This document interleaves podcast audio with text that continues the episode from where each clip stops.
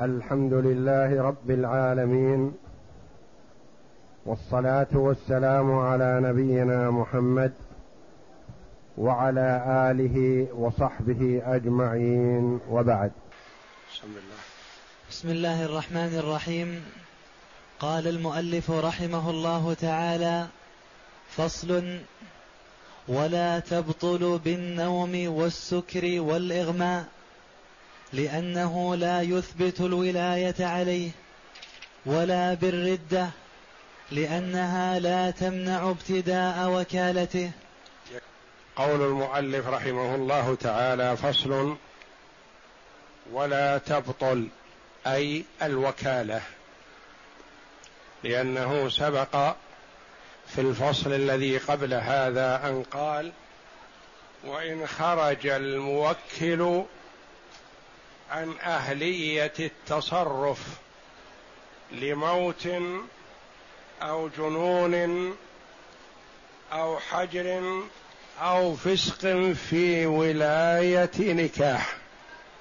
هذه الأشياء تبطل الوكالة. شخص وكل شخص على أمر ما ثم مات الموكل. الوكالة بطلت لأنه وكله حال كونه متصرف وما دام مات فليس له فليس لوكيله الاستمرار في الوكالة. وكذلك لو جن أو حجر عليه أو ثبت فسقه في ولاية النكاح الأخ مثلا وكل غيره في تزويج أخته. ثم ثبت فسق الأخ. بطلت وكالته لمن وكله لأن وكالته سارية المفعول حينما كان له حق الولاية. وما دام بطلت وكالته ولايته بفسقه فتبطل وكالته كذلك. وفي هذا الفصل يبين المؤلف رحمه الله تعالى العوارض التي تعرض للمرء ولا تبطل وكالته.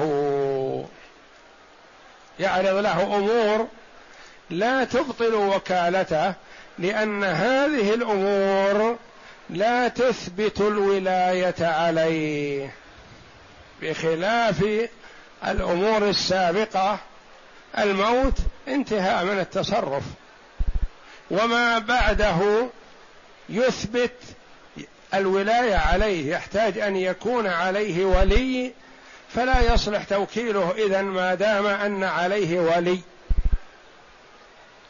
وفي هذه العوارض يقول لا تبطل الوكالة لأن هذه العوارض عارضة ثم تزول. ولا تبطل بالنوم. نام بعدما وكل. تستمر الوكالة. ما تتأثر الوكالة بنوم الموكل. ولا بالسكر. الموكل في بيع. مثلا. وكل غيره في بيع داره. ثم لوحظ الموكل هذا سكر فقد العقل أصبح مثل المجنون. فهل تبطل وكالته لمن وكله في البيع؟ لا لا تبطل وكالته. يؤخذ ويقام عليه الحد ووكالته لمن وكله في البيع أو الشراء سارية المفعول. لأنه بسكره ما يحتاج إلى أن يجعل عليه ولي. يقام عليه الحد فلعله يعود إلى رشده ويترك المحرم وتستمر وكالته على ما كانت عليه. والإغماء الرجل وكل غيره في بيع أو شراء ثم صار في حالة إغماء. ساعة أو يوم أو أسبوع أو في حال غيبوبة مثلا فترة يتوقع صحوته فلا تبطل وكالته تكون وكالته سارية المفعول. لأنه لا يثب لا يثبت الولاية عليه. يعني هذه العوارض التي تعرض له لا توجب أن يولى عليه غيره. فما دام أنه لا يولى عليه فهو متصرف فوكيله له حق التصرف في الوكالة. نعم. ولا. ولا تبطل بالنوم والسكر والإغماء. لأنه لا يثبت الولاية عليه ولا بالردة لأنها لا تمنع ابتداء وكالته فلا تمنع استدامتها ولا بالردة. شخص وكل شخصا في بيع. ثم والعياذ بالله ارتد الموكل. تكلم بكلمة كفر أنكر شيئا مجمع عليه من الدين بالضرورة. استحل شيئا محرما معلوم من الدين بالضرورة حرمته. هذه ردة والعياذ بالله. إذا قال مثلا الخمر حلال ما هناك فرق بين الخمر والشاي والقهوة؟ هذه ردة والعياذ بالله. لأن الخمر معروف أنه حرام والشاي والقهوة حلال. فإذا استحل ما كان حراما يعتبر كفر. يستتاب فإن تاب ولا يقام عليه حد الردة. هذا وكل ثم تكلم بكلمة كفر. ردة ارتد عن الإسلام. تبطل وكالته؟ لا. ما تبطل الوكالة. وكالة سارية المفعول. لأنه لو كان كافر وكل سارية المفعول الوكالة. لأن الردة ذنب وجرم عظيم من المرتد ولا يترك.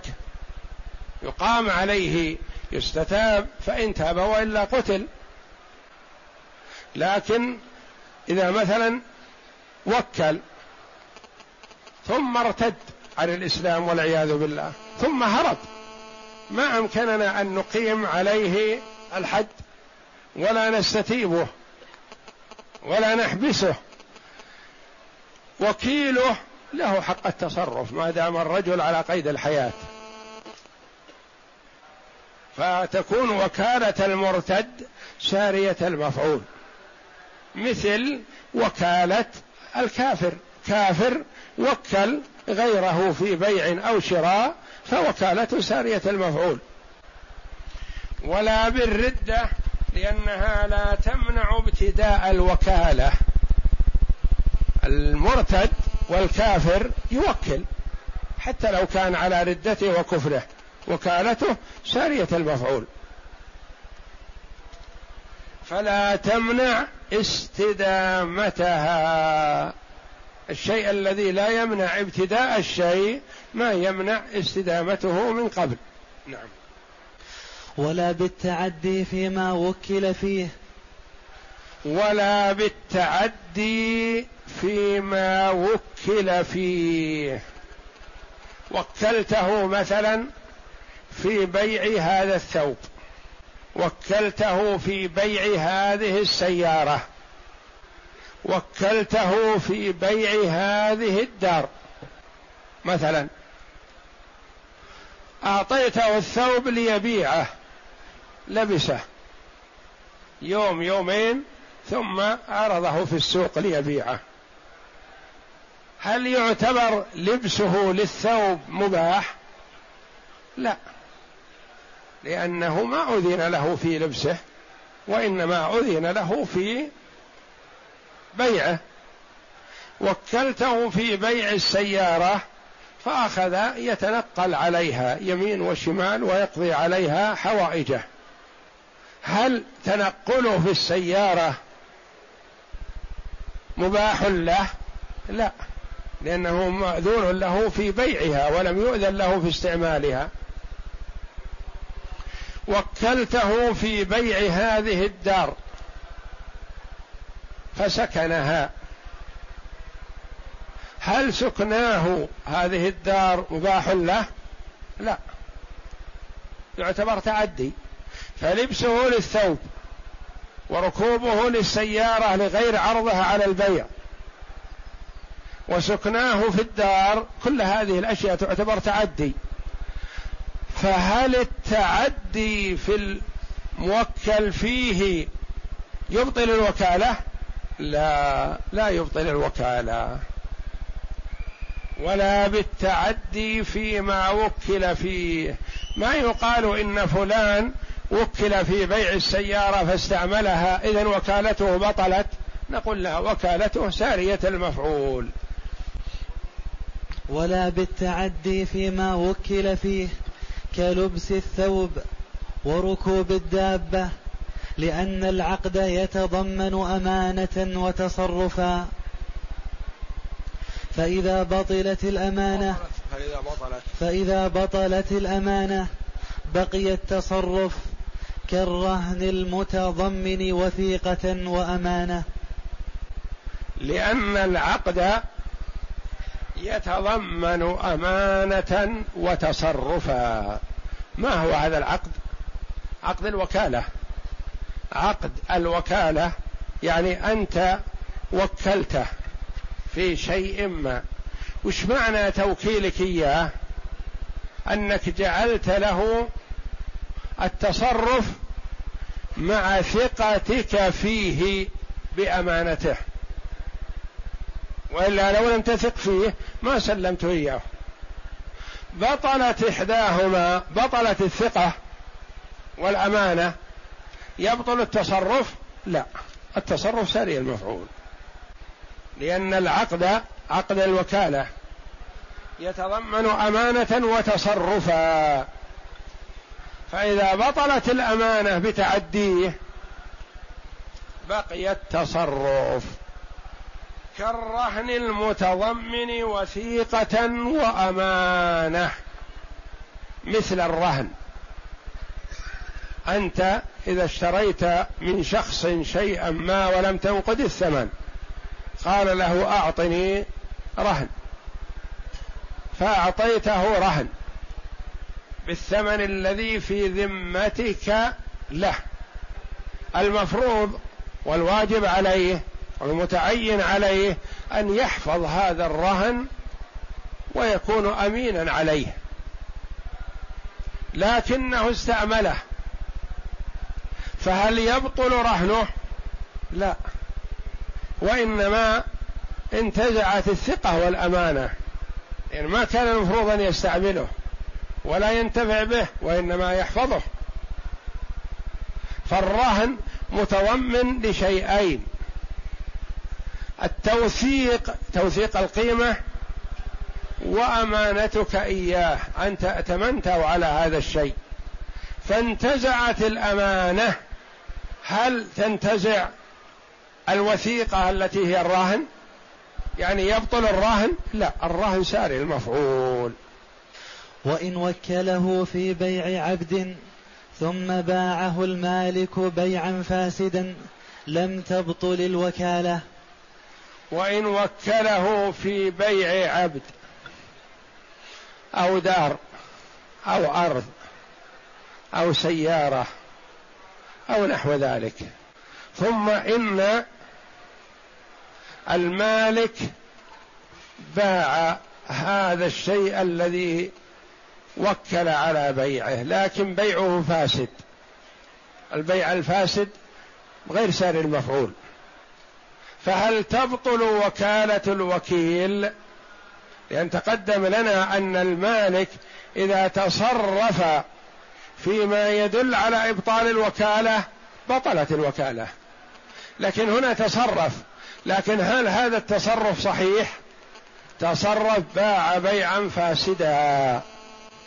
باع بيعا فاسدا. فهل يصح؟ لا ما يصح.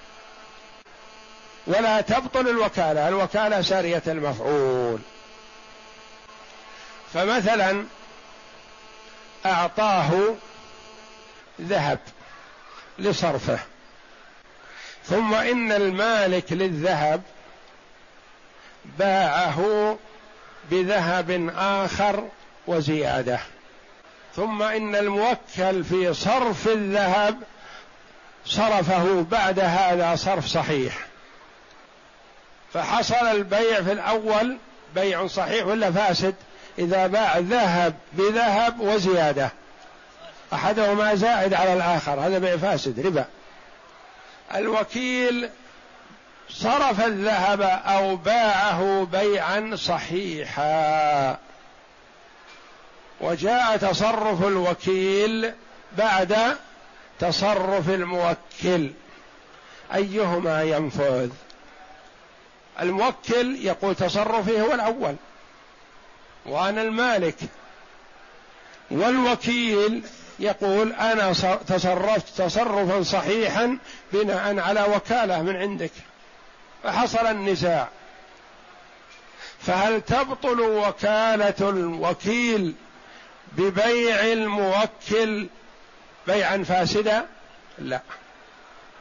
ما تبطل لأن البيع بيع فاسد. لو كان بيع صحيح قلنا بطلت الوكالة نتقدم لنا. إذا تصرف الموكل في ما وكل فيه تصرفا يدل على رغبته في فسخ الوكالة انفسخت الوكالة. كما تقدم لنا وكله في طلاق امرأة في طلاق زوجة. ثم إنه جامع الزوجة بعد هذه الوكالة. هل الوكالة تكون سارية المفعول؟ لا. وكله في بيع عبد. ثم إنه كاتب العبد. باعه على نفسه بمبلغ من المال. هل تكون سارية المفعول؟ لا. وكله في بيع أرض. ثم وهبها لأبيه. هل تكون الوكالة سارية المفعول؟ لا. وهكذا. هذا هذه الحال شبيهة بتلك لكنها تختلف عنها. تلك تصرفات صحيحة من الموكل. هذا تصرف فاسد من الموكل. باع بيعا فاسدا فلا يلغي الوكالة لو حصل البيع بها فالبيع بها صحيح. لم تبطل الوكالة لأن ملكه فيه لم يزل. لأنه لا يزال على ملك الموكل حقيقة فالبيع فاسد فالمبيع في ملك الموكل في الحقيقة. نعم. ولا يتولى إلى الزوال. ولا يؤول إلى الزوال. ليس بيع خيار. يؤول إلى أن يزول عن ملكه ونحو ذلك لا وإنما هذا بيع فاسد ما له قيمة. وجوده كعدمه. نعم. وإن وكل زوجته ثم طلقها لم تنعزل لأن الطلاق لا ينافي الوكالة ولا يمنع ابتداءها. وإن وكل زوجته ثم طلقها. وكل زوجته في بيع شيء ما ثم تنازع مع زوجته وطلقها. ما حكم وكالتها في تلك العين التي يراد بيعها؟ سارية المفعول. لأنه يصح أن يوكل امرأة أجنبية. وزوجته بعد طلاقها ما تجاوزت أن كانت امرأة أجنبية. فهو يصح أن يوكل أي امرأة من نساء الجيران في أمر ما. فوكل زوجته ثم طلق الزوجة فالوكالة لا في الطلاق الوكالة في غير في البيع في التصرف في أمر من الأمور. مثلا وكل زوجته في التعمير.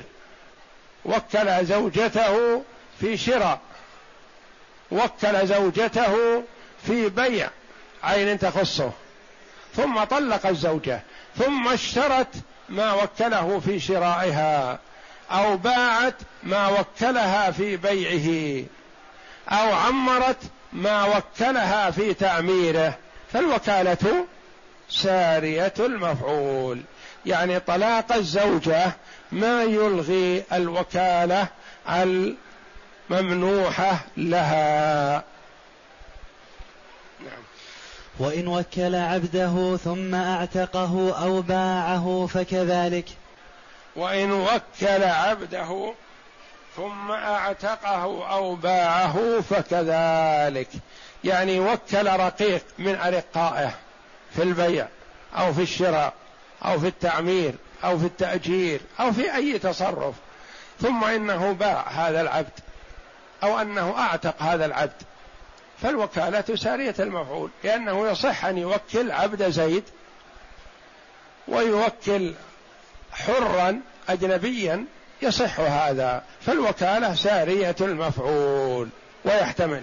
نعم. ويحتمل أن ينعزل لأن ويحتمل أن ينعزل في موضوع إذا وكل رقيقه ثم باعه أو اعتقه.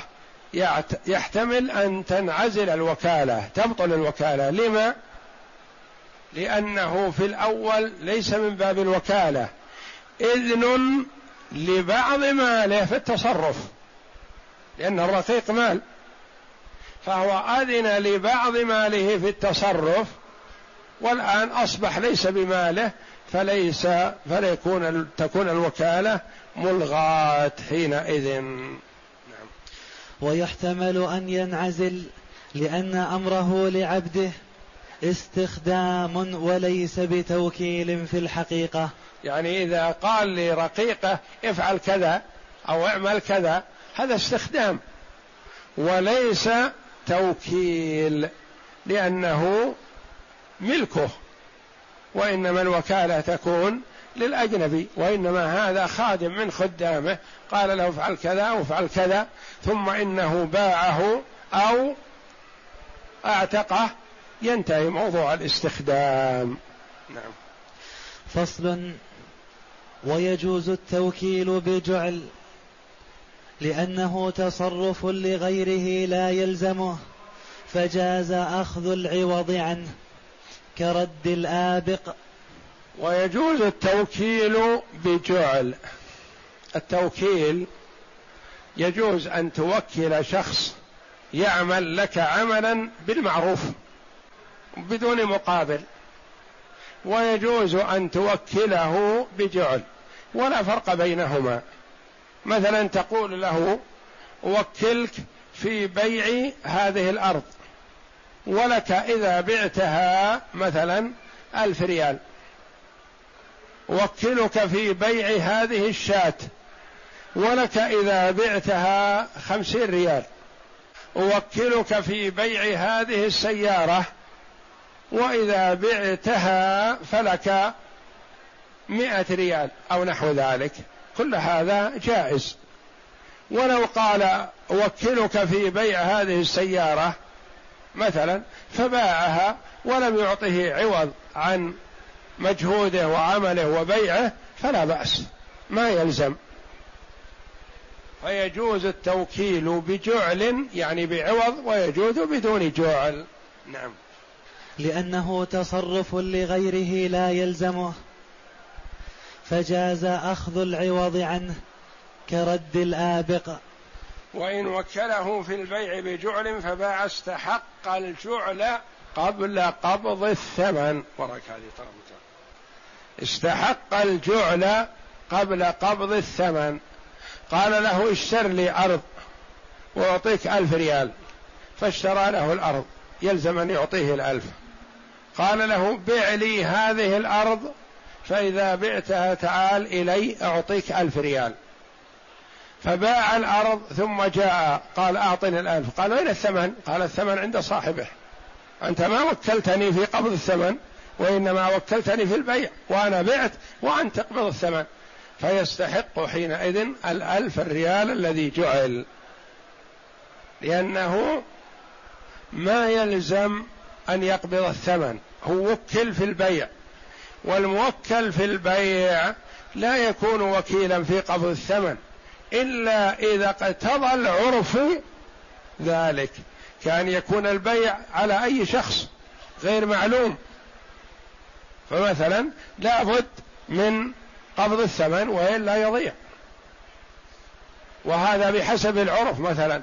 وكله في بيع قطعة من الذهب مثلا. أو شاة أو أي حاجة يبيعها ثم المشتري يأخذها ويمشي. يقول ما وكلتني في قبض الثمن؟ نقول لا عرفا يلزم أن تقبض الثمن. تعطيها حي الله واحد يأخذها ويروح معه وين الثمن؟ لكن وكله في بيع أرض. فباعها. ولم يقبض الثمن جاء يريد العوض يعطى العوض. لأن بيع الأرض يلزم منه إفراط والإفراط عند كاتب العدل والرجل لابد أن يكون معروف. وقد توكل أنت شخصا في البيع ولا ترضاه لقبض الثمن. توكله يبيع لك هذه الأرض بخمسة ملايين مثلا ولا ترضى أن يقبض لك مئة ريال لأنك تخاف على الدراهم عنده. فتوكله في البيع ولا يقبض الثمن. فإذا وكله في البيع وجعل له عوضا على البيع استحق العوض وإن لم يقبض الثمن. نعم. لأن البيع يتحقق قبل قبضه.